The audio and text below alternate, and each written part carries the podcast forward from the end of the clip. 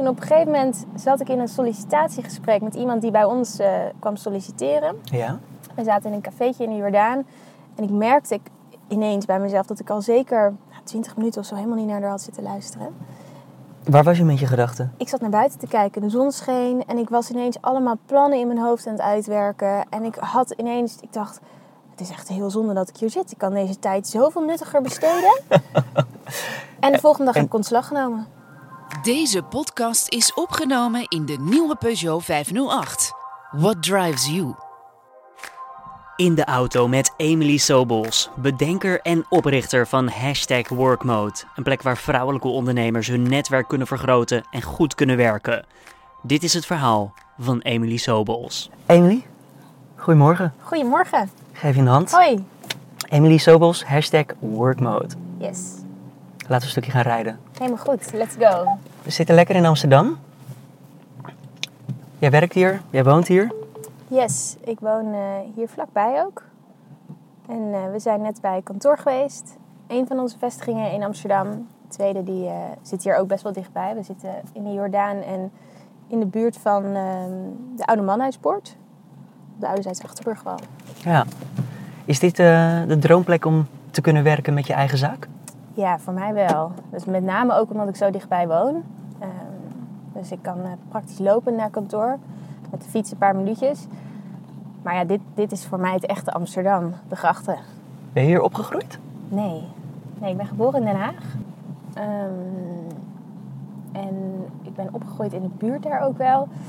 Uiteindelijk is naar Utrecht gegaan. En eh, toen trok het Amsterdam me toch wel heel erg. Ik woon Ja. hier nu een jaar of elf of zoiets. Ik wil eigenlijk niet meer weg.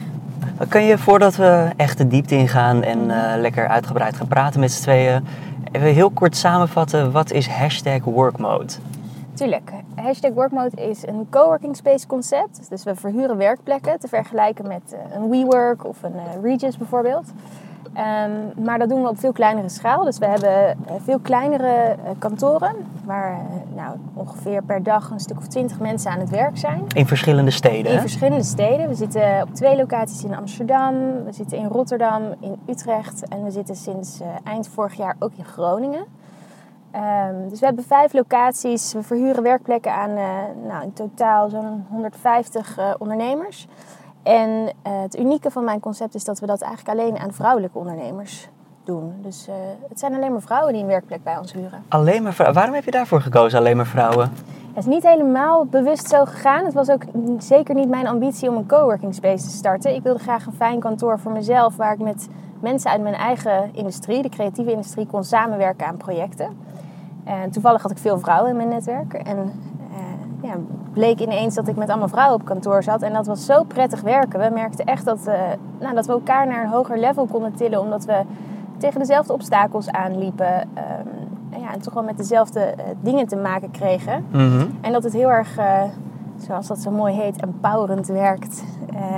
Als je vrouwen bij elkaar zet, dan, ja, ik zie dat er dan echt iets magisch gebeurt. Girl bosses noemde je het in een interview, hè? Ja, klopt. Girlboss is zo, eh, Vind je die term nog steeds tof? nee, niet zo. Oh, waarom, noemde waarom gebruikte je hem toen dan? Ja, toen wij startten in 2015 was dat eh, nou, een hele hippe, hippe term. Ja. Eh, het komt uit Amerika. Is bedacht door Sofia Amoruso, ondernemer die eh, inmiddels ook haar bedrijf Girlboss Media heeft. Ehm, en zij had een boek geschreven met die titel. En nou, dat werd een soort wereldwijd begrip. Iedereen had het ineens over girlbosses. En het dekte heel goed de lading van waar wij mee bezig waren.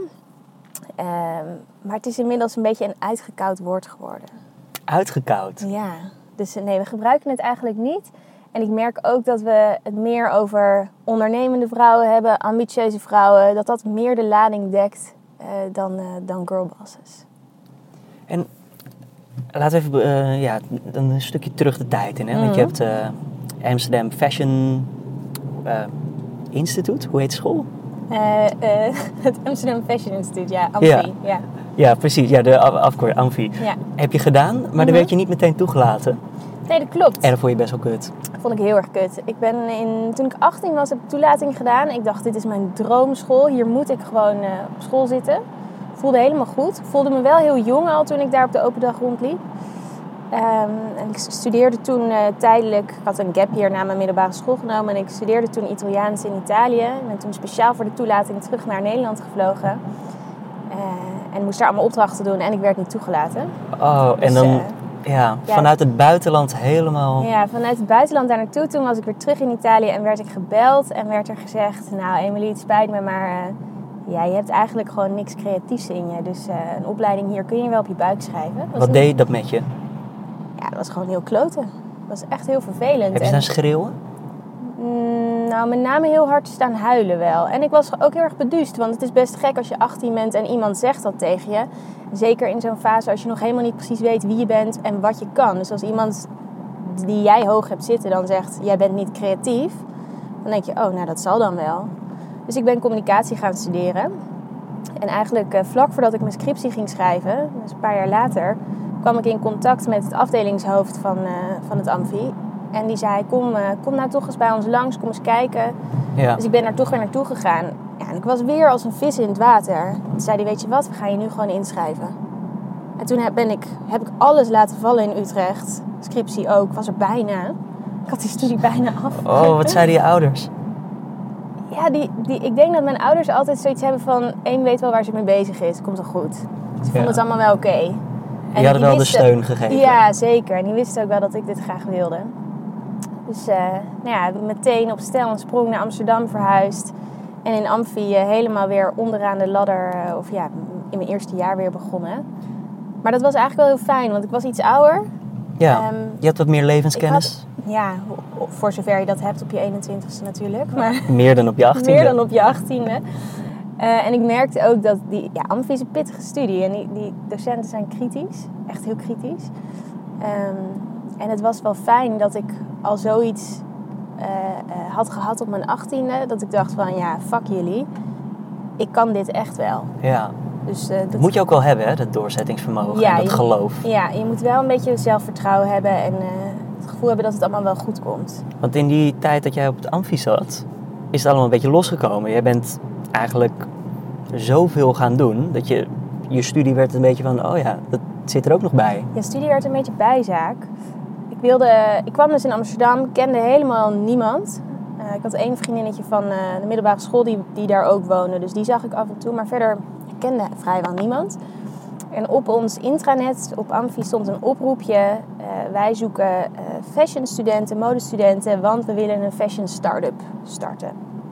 Dus ik dacht, nou, dat is misschien wel interessant.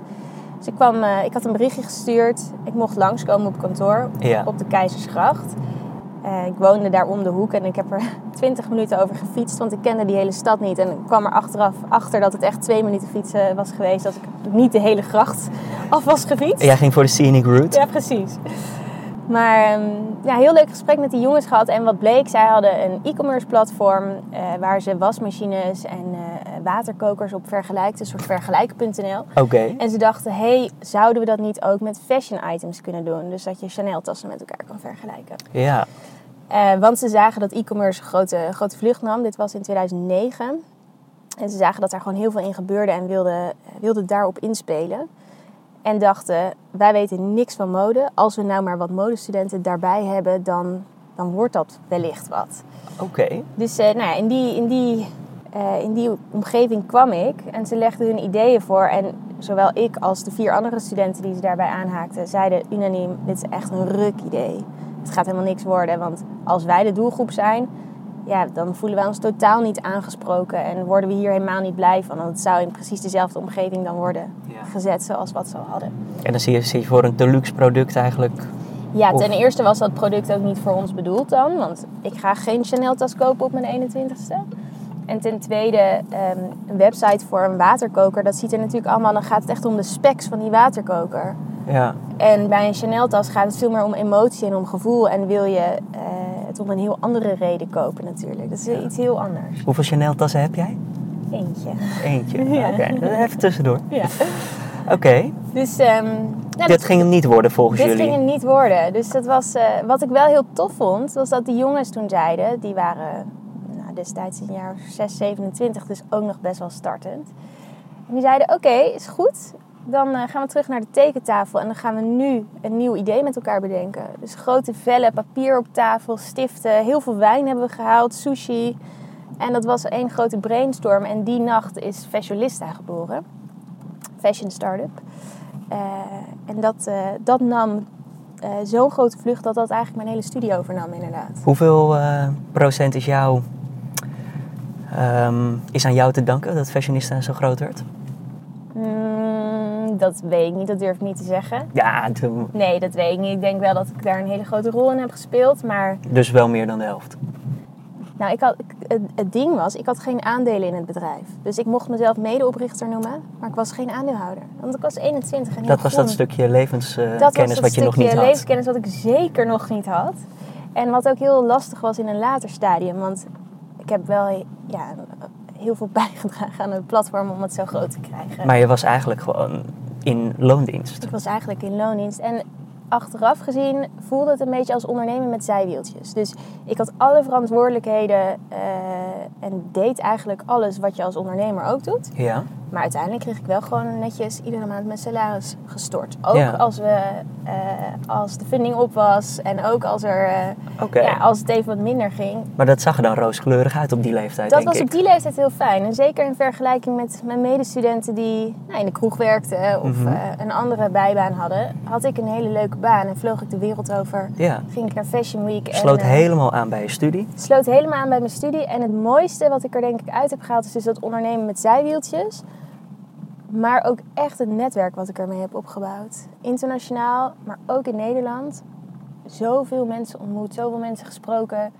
Um, en die vonden mij denk ik uh, een grappig, grappig dingetje. Want ik was uh, jong en ik deed eigenlijk maar wat. Ik had Ja. geen flauw idee van... Misschien is dat ook wel een beetje het succes, toch? Omdat je het niet weet, probeer je wat Ja. er in je opkomt. Je hebt geen tunnelvisie omdat je weet, ah, Nee, dit, dit gaat toch niet lukken. Nee, nee. En, en het mooie was ook wel dat ik een hele eh, fijne mentor had. Joost Nauta. Die eh, helaas in oktober is overleden. Oké. Ehm, dus dat was, eh, is een heftig, heftig iets van de afgelopen maanden. Maar hij, is, wel- ja, hij was echt een topondernemer. En hij heeft mij zoveel bijgeleerd en zoveel ook zelf laten proberen. Ja. Dat ik mocht ook fouten maken en dat, dat kon ook allemaal. Er was heel veel ruimte voor. om- Moet ook wel, toch? om gewoon maar te kijken, ja. Ja, het was heel, heel prettig. Dus ik heb daar heel veel geleerd. En toen ging je weg.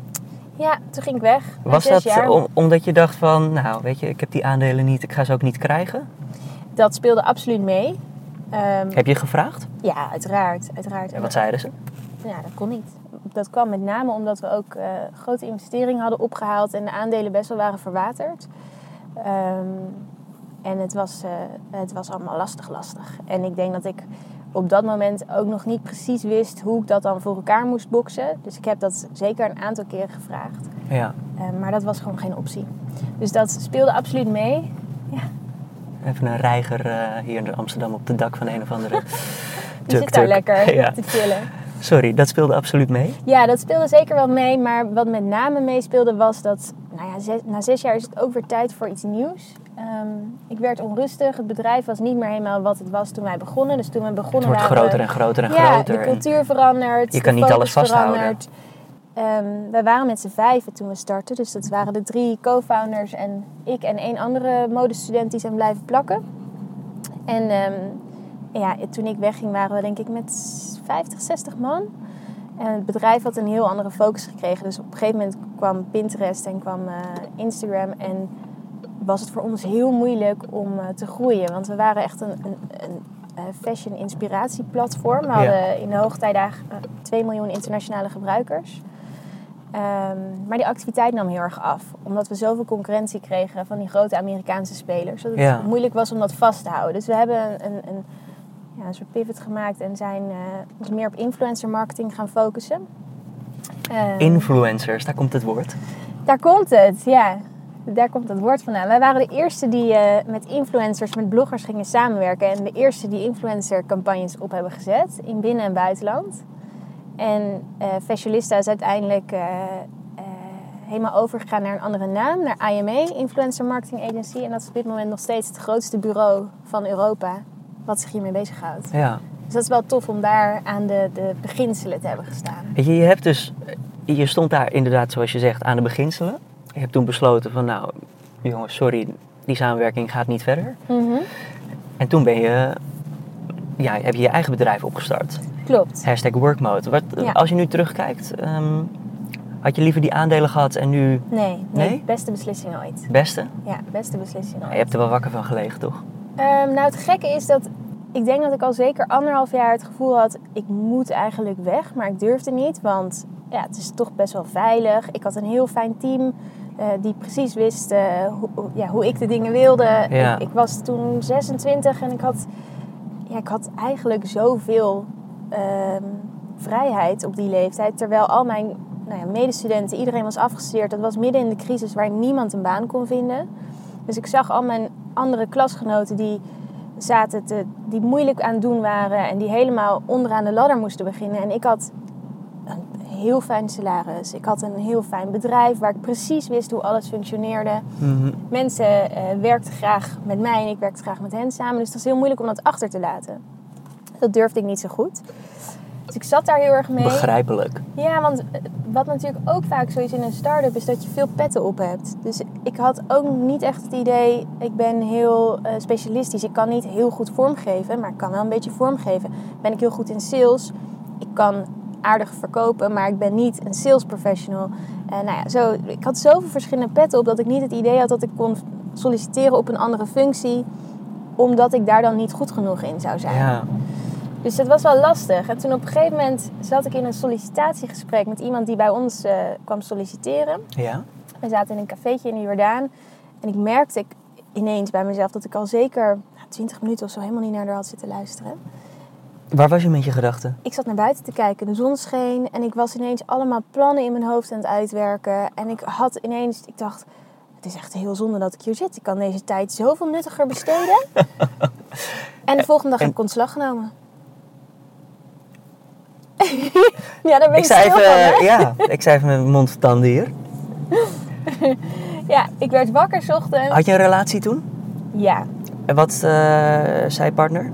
Ja, hij wilde sowieso eh, dat ik, of hij wilde, hij, hij moedigde dit heel erg aan. Hij zei al veel langer, Eem, je bent niet gelukkig.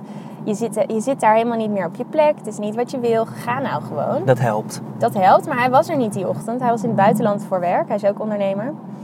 En eh, nou ja, ik werd wakker. Soms heb je van die dagen dat je wakker wordt en dat je denkt... Yes, dit is mijn dag. Ja. Ik trok de gordijnen open, de zon scheen. Ik heb me heel mooi aangekleed.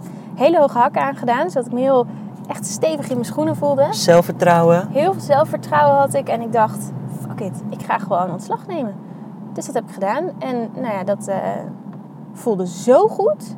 Dat was echt een goede beslissing. Terwijl ik dus wel heel erg naar mijn zin had daar. Ja. Het was gewoon tijd voor iets nieuws. Zonder een nieuw plan. Eigenlijk. Hoeveel eh, tijd later ontstond hashtag workmode?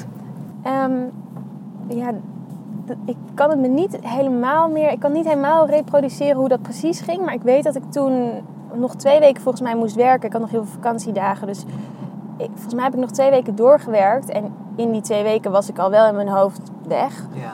Ik weet dat ik drie dagen na mijn laatste werkdag ontving ik de sleutel van de Brouwersgracht. Dus ik, heb, ik, ik dacht bij mezelf, oké, ik heb nog geen nieuw idee. Ga ik Nee. ondernemen? Ga ik ergens werken? Ik weet het niet. Ik heb best wel gewoon goed spaargeld opgebouwd. Ik kan in elk geval een half jaar vooruit. Geef, ik geef mezelf gewoon een half jaar de tijd om Mhm. erachter te komen wat ik wil, wie ik ben. Eh, ja, een beetje zo'n quarter-life crisis eh, gevoel dacht ik te hebben. Ja. Ehm, ik werd er super onrustig van. Dus op mijn eerste vrijdag heb ik een ochtend door de stad gelopen om te gaan winkelen. Nou, vond ik helemaal niks. Ik werd er heel nerveus van. Ik dacht, ja, dit kan toch niet? Iedereen Omdat het voelde alsof, ja, het Ja. voelde alsof van, wat ben ik aan het doen met mijn tijd? Nou, het voelde echt als spijbelen. Het weet je wel dat je vroeger Ja. stiekem een dagje vrij had van school. Ja. Dat je met je ouders misschien iets leuks ging doen wat eigenlijk niet mocht. Ik had het idee dat er ieder moment een agent me in de, in de kraag zou grijpen en zou zeggen... Wat doe jij? Wat doe jij hier? Jij hoort op kantoor te zitten. Oh. Dus dat was niet helemaal eh, aan mij besteed. En ik merkte dat zodra ik eigenlijk dat bedrijf had afgesloten, er ruimte kwam voor nieuwe ideeën. En toen dacht ik, hoe chill zou het zijn als ik dus deze zes maanden gebruik, maar dan wel op een fijne plek zit en niet thuis. Want thuis werd ik helemaal gillend gek, want eh, het huis was dan weer niet opgeruimd. Eh, Dus dan ging ik eerst een halve dag opruimen en dan had ik eigenlijk nog niks gedaan. Ja. Of ik ging in een koffiezaakje zitten, maar in een koffiezaakje heb je, is het eigenlijk ook helemaal niet prettig werken. Want als je laptop leeg is, heb je vaak geen stopcontact. ja. Het wifi is vaak slecht. En je voelt je, tenminste dat Je vond voelt ik je altijd. alleen. Nou, ook een beetje van, oké, ik bestel één cappuccino. Precies. En ik zit wel vier uur hier op dat het is stoeltje. gewoon best wel aso. En, Ja, dat. En als je dan meer koffie gaat bestellen, dan zit je straks tegen het plafond. Dat had ik in elk geval. Dan, nou, dan ging mijn hart zo snel slaan. Je tript hem hard. Je tript hem. Als je thee gaat drinken, dan moet je iedere keer naar de wc. Waar laat je die laptop dan? Want die staat er dan alleen. Je spullen worden gejat als je pech hebt. Precies. Ik vond het totaal niet handig. Maar wat ik het meest miste was eh, ja, toch het gesprek met collega's eigenlijk. Ja, je kan even een 1 2 doen. Ja, en Hoe kijk jij hier het, tegenaan? Precies, het kan over zaken gaan. Het kan over een voorstel gaan of een mail die je binnenkrijgt. Nou, dat kreeg ik op dat moment nog niet, want ik was nog niet zo heel veel aan het doen natuurlijk. Ehm, Maar ook over gewoon, denk gewoon van, over wat je zie je er goed uit? Of Precies. eh, hey, wat uh, je straalt. ja, dat soort dingen. Dus dat miste ik heel erg. Dus ik dacht, op een gegeven moment liep ik uh, over de Brouwersgracht en zag ik een, um, een uh, A4'tje hangen. Een heel lullig A4'tje. Waarop getypt stond te huur, bel 06, uh, nou, ja. nummer. En ik heb zonder heel erg veel na te denken dat nummer gebeld. En ik kreeg de eigenaar aan de lijn. En normaal gesproken hangen er natuurlijk grote makelaarsborden. En krijg je een makelaarskantoor. En dan is het allemaal wat formeler. En nu kreeg ik direct de eigenaar aan de lijn. Dus ik zei, ja, ik zie dat je een pand te huur hebt. En hij zegt, ja, dat klopt. Wil je komen kijken? Nou, oké, okay, is goed. Ja, wanneer kun je? Nou, morgen. Dus ik ben gaan kijken. En ik stond daar in een leeg pand. Waar ik helemaal blij van werd. En hij zei, wat heb je eigenlijk voor bedrijf? ja, toen stond ik met mijn bek vol tanden. maar ik heb uh, een beetje een verhaal opgehangen van ja... Je hebt je eruit geluld. Ik heb me eruit geluld en gebluft. En ik had wel een soort van idee, nou ja, wat ik al zei. Wat nou als ik met mensen uit mijn industrie, uit de creatieve industrie... kan samenwerken, we samen projecten kunnen oppakken... Uh, en we echt uh, elkaar naar een hoger level kunnen tillen. Nou, dat vond hij ook wel in elk geval professioneel genoeg om verder met me te kletsen. Dus hij zei, nou doe maar een voorstel. Ja. Dus ik ben heel snel naar huis gefietst. Heb een berekening gemaakt of het inderdaad interessant zou zijn als ik dus werkplekken zou gaan verhuren en wat mijn marge dan zou zijn. En... Ja, want je moet er ook voor kunnen leven. Ja, nou dat kon zeker niet, want die marges zijn best wel klein. Maar mijn idee was, dit dekt in elk geval vaste lasten. En daarnaast was mijn ambitie om tijdelijk te gaan freelancen of uh, ja, om op projectbasis dingen te gaan doen. Ja. Wat ik dan ging freelancen, dat wist ik zelf ook nog niet precies. Maar dus dit zou er mooi erbij zijn? Dit zou erbij zijn en dan zou ik in elk geval iets verdienen. En ik had natuurlijk mezelf dat half jaar gegeven. Dus het was niet zo heel erg als het nog niet helemaal uh, van de grond zou komen. Mm -hmm. Ik had alleen wel een beetje uh, over het hoofd gezien dat een verbouwing van een pand... Ik had nog nooit een verbouwing gedaan. Dat dat best wel pittig is. Nooit één meegemaakt? Ook? Nee. Nee joh, ik vond iedere 100 euro die ik uitgaf aan die verbouwing was echt... Oh, dat deed zoveel pijn. Ja. Want het was nodig, er moest veel gebeuren. Ja, het, was, het is het oude pand van uh, Theo van Gogh, die heeft er gewoond. Heeft er jarenlang gewoond. Zijn tafel heeft er ook nog uh, nou, een hele tijd gestaan, zijn eettafel. Ja, het zag er niet uit. Het was echt een bende. Dus er moest heel veel aan gebeuren. Maar dat is allemaal een beetje houtje touwtje gegaan. En uh, met, met kleine budgetten. Is het nodig investeren om uh, geld eruit te krijgen? Eerst investeren, dan terugkrijgen? Ligt denk ik heel erg aan het bedrijf wat je hebt en aan het businessmodel. Maar um, ik ging natuurlijk mijn ruimte verhuren. Dus als mensen binnenkwamen, dan moesten ze wel onder de indruk zijn. Als je als ondernemer een kantoorpand huurt en je personeel moet er zitten, dan hebben ze dat. Ja, dit is de plek die jij als, als werkgever uitkiest. Ja. En dat hebben ze maar te slikken, even heel kort door de bocht. Um, het moet uitnodigen om je in te zetten. Ja, klopt. Maar bij mij is het natuurlijk zo, ik, dit was mijn product eigenlijk. Ja. Ik moest mijn, mijn ruimte verkopen, anders kreeg ik geen huurders. En dat is gelukkig wel gelukt, maar echt wel met heel, heel weinig middelen. Maar mijn vriend uh, is vrij handig, dus die heeft wat meegeholpen. Okay. Of wat, oh, ik hoop niet dat hij dit terugluistert. Die heeft heel veel meegeholpen. mijn ouders zijn ingezet. En ja, echt, echt met minimale middelen hebben we er iets van gemaakt. Uh, en toen ben ik Facebook berichten gaan sturen naar mensen in mijn netwerk. Van, hé, hey, ik ben wat nieuws gaan doen. Uh, ik zie dat je aan het freelancen bent. Vind je het leuk om een keer een kop koffie te drinken en bij te praten? En dan nodigde ik ze uit op kantoor. Alleen er was nog geen koffieapparaat, dus ik kon niet heel veel, uh, heel veel bieden. Ja. Een, een oude kruk en uh, dat was het een beetje. Want er werd ondertussen geschilderd en gedaan. En eh, ja, uiteindelijk zijn we open gegaan met vier huurders. We hadden plek voor elf eh, per dag. Ja. Maar we werken met een soort van sportschoolmodel waarbij je eh, meer mensen kunt plaatsen dan eh, dat je Ah, daadwerkelijk plek hebt per dag, omdat niet iedereen elke dag komt. Ja.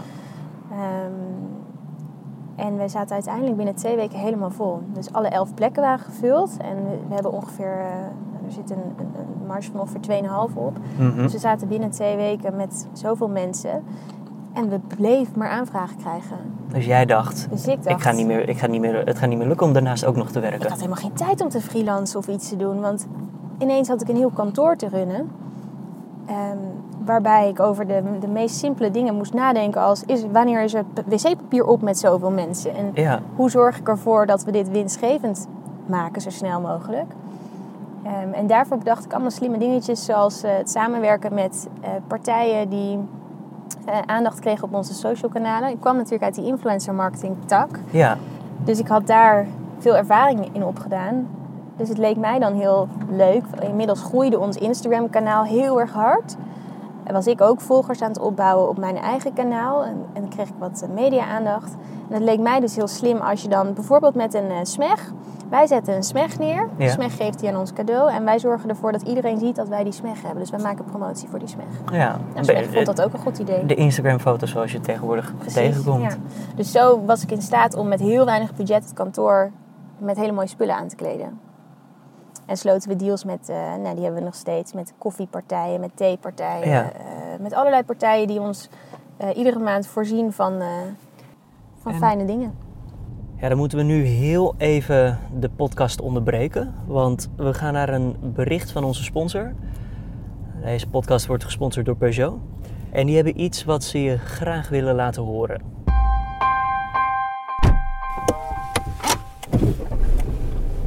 Ja, mijn naam is Rick Hermans, algemeen directeur van Peugeot Nederland. Toen we de nieuwe Peugeot 508 lanceerden, ehm, een auto die echt eh, radicaal anders is in het segment, dan wij als merk en als organisatie ook gedwongen om de dingen anders aan te pakken. En dat betekent dus dat we nou ja, onszelf ook moesten dwingen om ons nog meer te onderscheiden. Ik denk dat het een heel belangrijk onderdeel is van, eh, van ons merk, eigenlijk van elk merk wat eh, in de auto-industrie eh, bezig is om, om onderscheidend te zijn. Ehm, zeker hier, waar je praat over een zakelijke doelgroep. En ik denk in het D-segment, waar, eh, waar de Peugeot 508 zit, dat we echt moeten opvallen tussen eh, nou ja, al de collega's à la Audi en BMW. Dit is ook een andere doelgroep voor ons. Mensen die eh, iets meer zelfbewust zijn, die het anders willen doen. En ja, onze insteek is daar natuurlijk om die met de Peugeot 508 te overtuigen. Als je alleen al naar de auto kijkt, wij bieden iets anders dan wat de collega's bieden. Ehm, eh, eh, met name een nieuwe rijervaring. Ehm, maar ook qua styling eh, is het echt wel anders. Nou, met name de details van de auto, het stiksel van de stoelen, het klavier van de toetsen, de iCockpit. ehm, en aan de andere kant, in het grote geheel, het- design en zelfs de wegligging, alles draait om precisie. En voor het design zou ik maar zeggen, als je naar, de auto kijkt, maar misschien is dat een te lang verhaal. Als je ervoor staat, je kijkt een heel klein beetje naar de zijkant, dan denk je dat de achterkant breder is. Dat is puur design. Hij is smaller. Ja, dat was eh, in, in de ontwikkeling van de auto een heel moeilijk proces. Maar het is wel gelukt.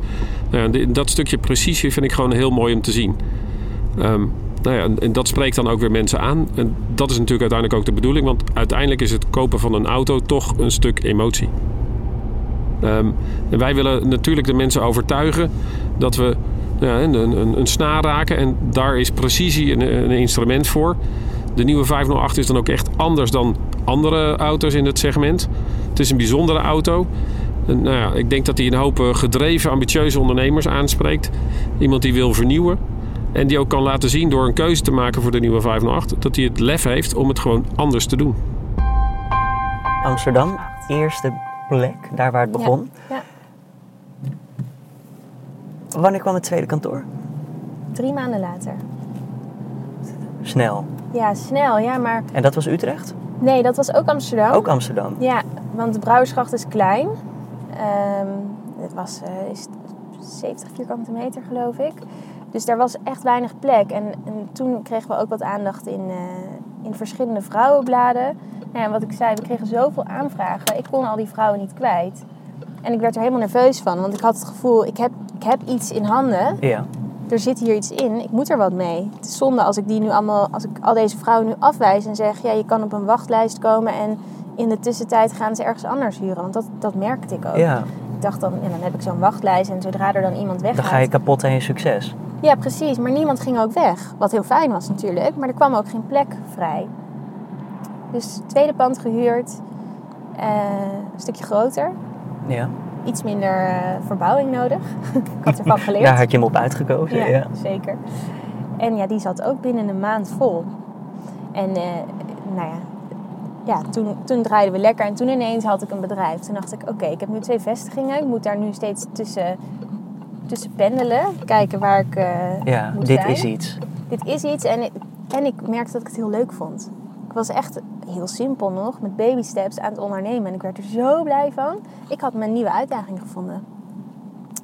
Dus daar, eh, daar ging ik op voortborduren. Hoe kan ik dit groter maken en beter maken? En, en hoe, hoe kan ik hier verder mee? Ja. Dus de volgende stap was de stad uit.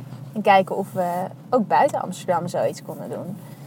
Ehm, en dat werd Rotterdam. En dat werd Rotterdam toen. Ja. Waarom Rotterdam? Omdat ik het gevoel had dat naast Amsterdam Rotterdam de tweede grote creatieve stad is van ons land. Eh, dat er veel freelancers zitten. Eh, Kwam je er vaak zelf? nee, helemaal niet. Ik had, nee, ja, Amsterdammer.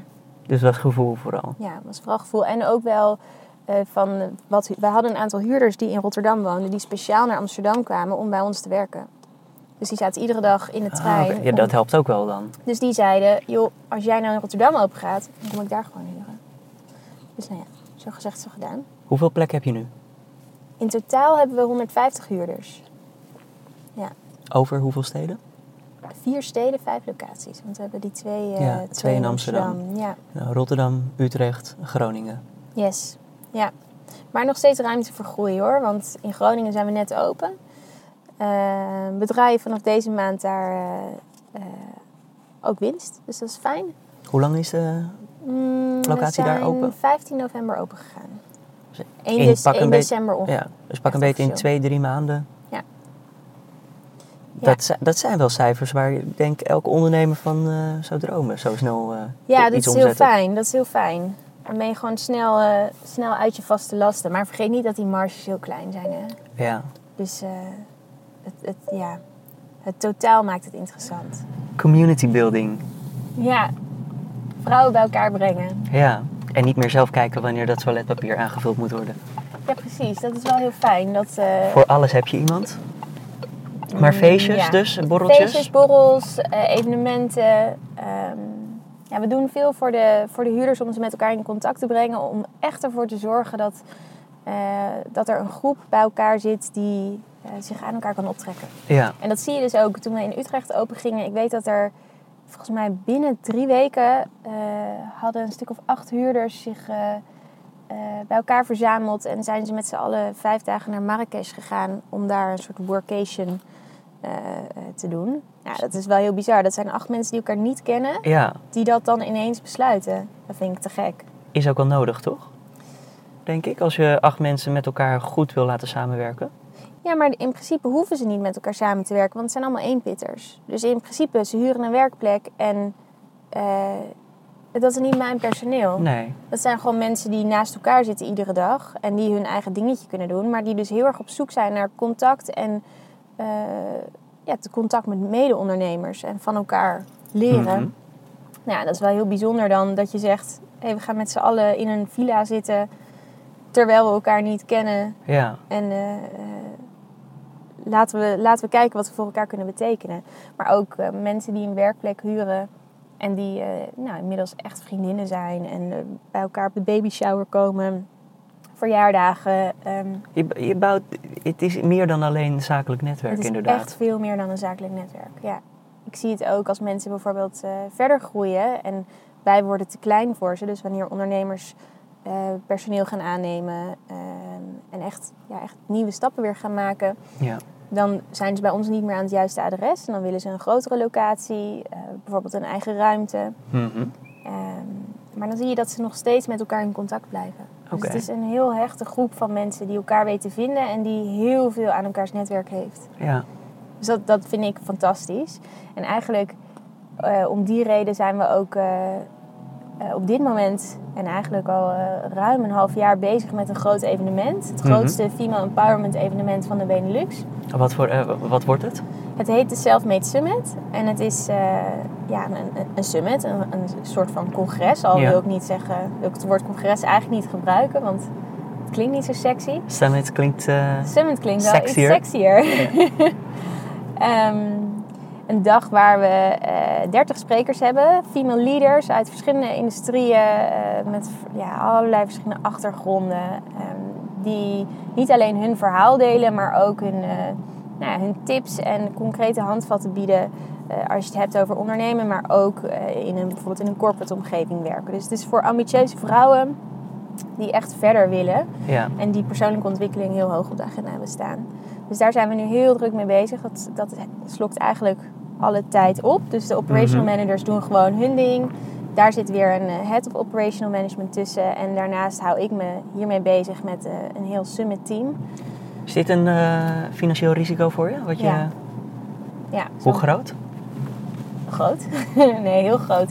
Eentje Zo. waar je al van wakker hebt gelegen een keer? Oh man, ik slaap al drie maanden niet meer. nee, het is echt heel spannend. Want een evenement zoals dit kost ongeveer 2,5 ton. Ehm, dat moet terugkomen uit ticket sales en uit sponsoring. Ja. Ehm, maar we hebben plek voor 500 vrouwen. Nou, als je alleen... Is het eh, ook eh, women only dus? nou, het, we richten ons op vrouwen. Er zijn, mannen zijn absoluut welkom. Ehm, maar we richten ons wel op vrouwen. Net zoals dat eh, nou, sommige automerken bijvoorbeeld een vrouwendoelgroep hebben. Ja. Ehm, dus we richten ons op, op, op de vrouwelijke eh, ondernemers en vrouwen in loondienst. Dus eigenlijk alle ambitieuze vrouwen zou je kunnen zeggen. Ehm, maar we vinden het alleen maar te gek als er ook mannen bij zijn. Ik denk dat het juist belangrijk is dat we met elkaar hebben over, eh, over dit soort onderwerpen. Ehm, maar goed, die ticket sales die dekken absoluut de kosten niet. Nee. Niet voldoende. Dus die sponsoring is belangrijk. Je hebt meer nodig dan dat. Je hebt echt veel meer nodig dan dat. En je, je ziet ook dat bij het verkopen van tickets, dat dat meestal pas in de laatste weken voor het evenement gebeurt. Dus dat is gewoon echt wel heel eng. Je bent continu aan het voorfinancieren.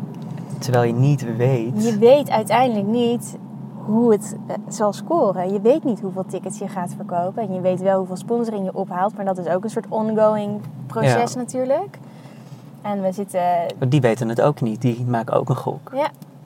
Ja, ja, het is echt heel spannend. Het is enorm spannend. Maar Wat is de, waar, waarmee trek je ze er naartoe? Want eh, goed, het, het is een summit. We gaan Ja. met elkaar praten, overleggen. Ja, we hebben Wat vier, is je eh, vier podia. Ja? eh, één mainstage en verschillende workshopruimtes.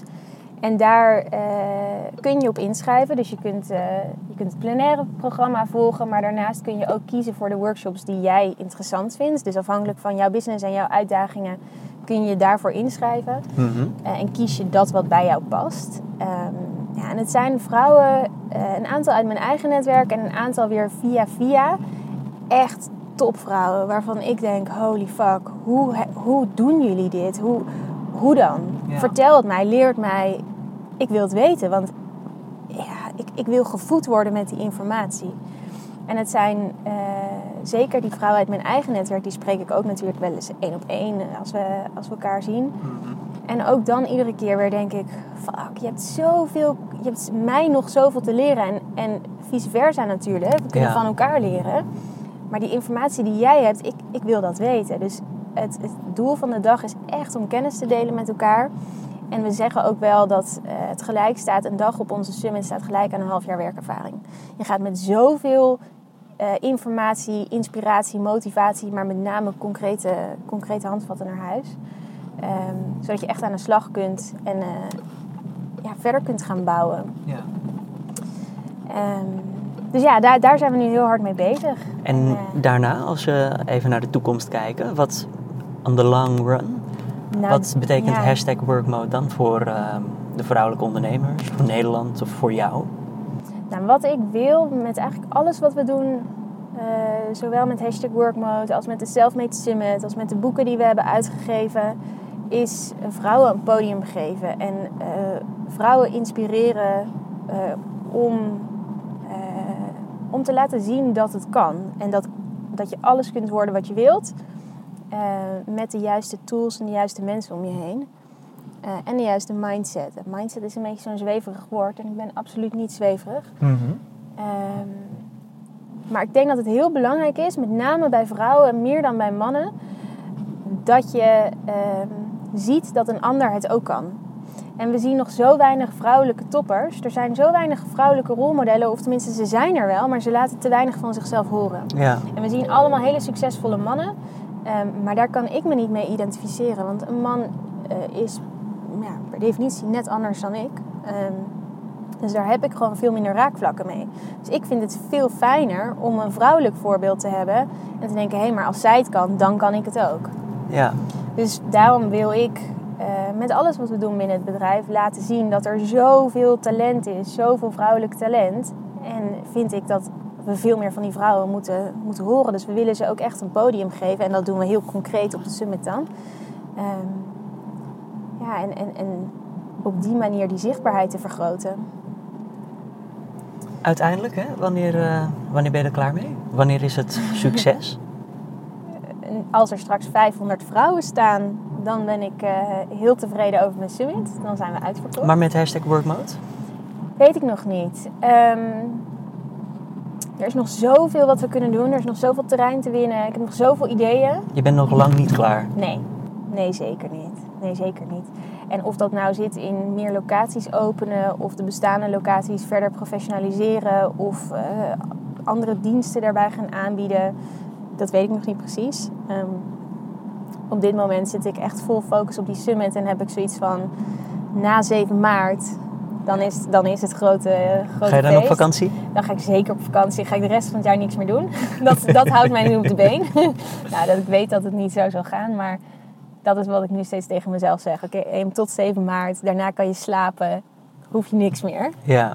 Ehm, zo werkt het natuurlijk niet in de praktijk. Maar nee, we hebben, wel, eh, we hebben nog wel veel plannen op stapel liggen. Eh, we hopen natuurlijk een tweede, tweede eh, editie te kunnen organiseren. Ehm, ben ook aan het kijken of we misschien een grens overgaan. Eh, en eens gaan kijken wat we in het buitenland kunnen betekenen. eh, voor de vrouw daar. ja. Dus eh, wie weet. Spannend. Ja. Kijk, als jij een tip moet geven, dan gaan we even vooruit op de summit. Maar dan Mhm. laten we jou nog even advies geven aan jonge ondernemers die jou zo horen en denken... Damn, die Emily, ze heeft, zij heeft wat ik aan het proberen ben.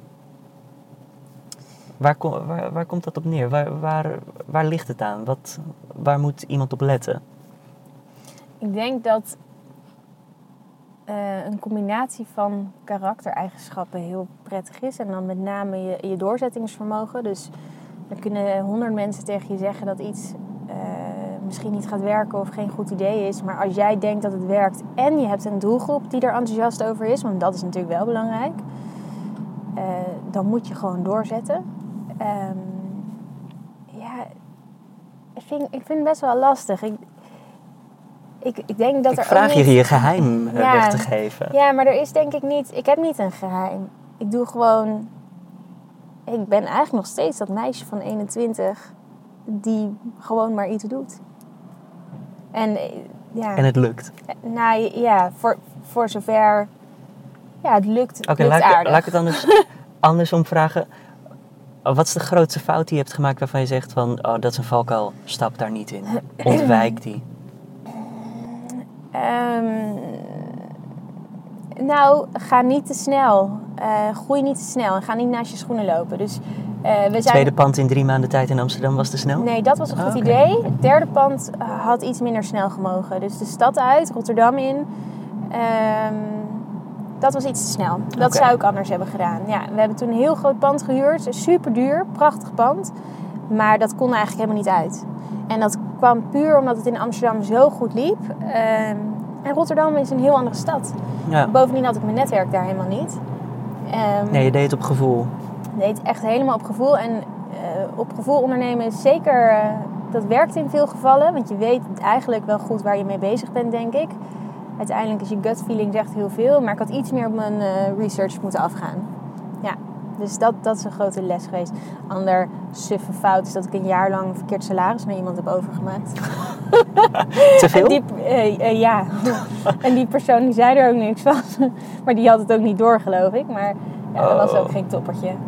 Heb je het teruggevraagd? Of Ja, dacht je, fout het, is eh, fout? nee, we hebben het wel weer op de andere manier verrekend. Met iets wat eh, iets anders nog open stond. Maar eh, gedeeltelijk. Volgens mij hebben we het gesplit. Zoiets was het. Maar dat was geen... eh, Oeh. ja, dat, maar dat, dat hoort erbij. Toch? Dit Jij zegt het. Suffe, suffe dingetjes. Dat zijn de minder erge dingen in elk geval. Ja, dacht, waar gaat het geld naartoe? Ik begreep er niks van. naartoe? Ik begreep er helemaal niks van. Totdat mijn accountant, die had eigenlijk al veel eerder aan de bel moeten trekken. Die zei, goh, waarom maak je eigenlijk altijd een ander bedrag over dan op de loonstrook staat? Oh. Oh joh, Dus je hebt nu een andere accountant. nee, hij mag blijven. hij heeft het wel weer heel netjes opgelost. Dus hij mag blijven. Hey, Emily, ik vind het gezellig. Ja, toch? Ja, ik heb Ook? wel wat geleerd. Ja? Heb jij, eh, heb jij je verhaal kwijtgekund? Ja, het is wel leuk. We, we hebben echt wel de tijd gehad om helemaal bij het begin te beginnen. Noem nog een keer die summit. Selfmade Summit. De selfmadesummit.com of .nl. Of .be kan geloof ik ook. .de. Volgens mij heb ik alles geclaimd wat dit claim viel.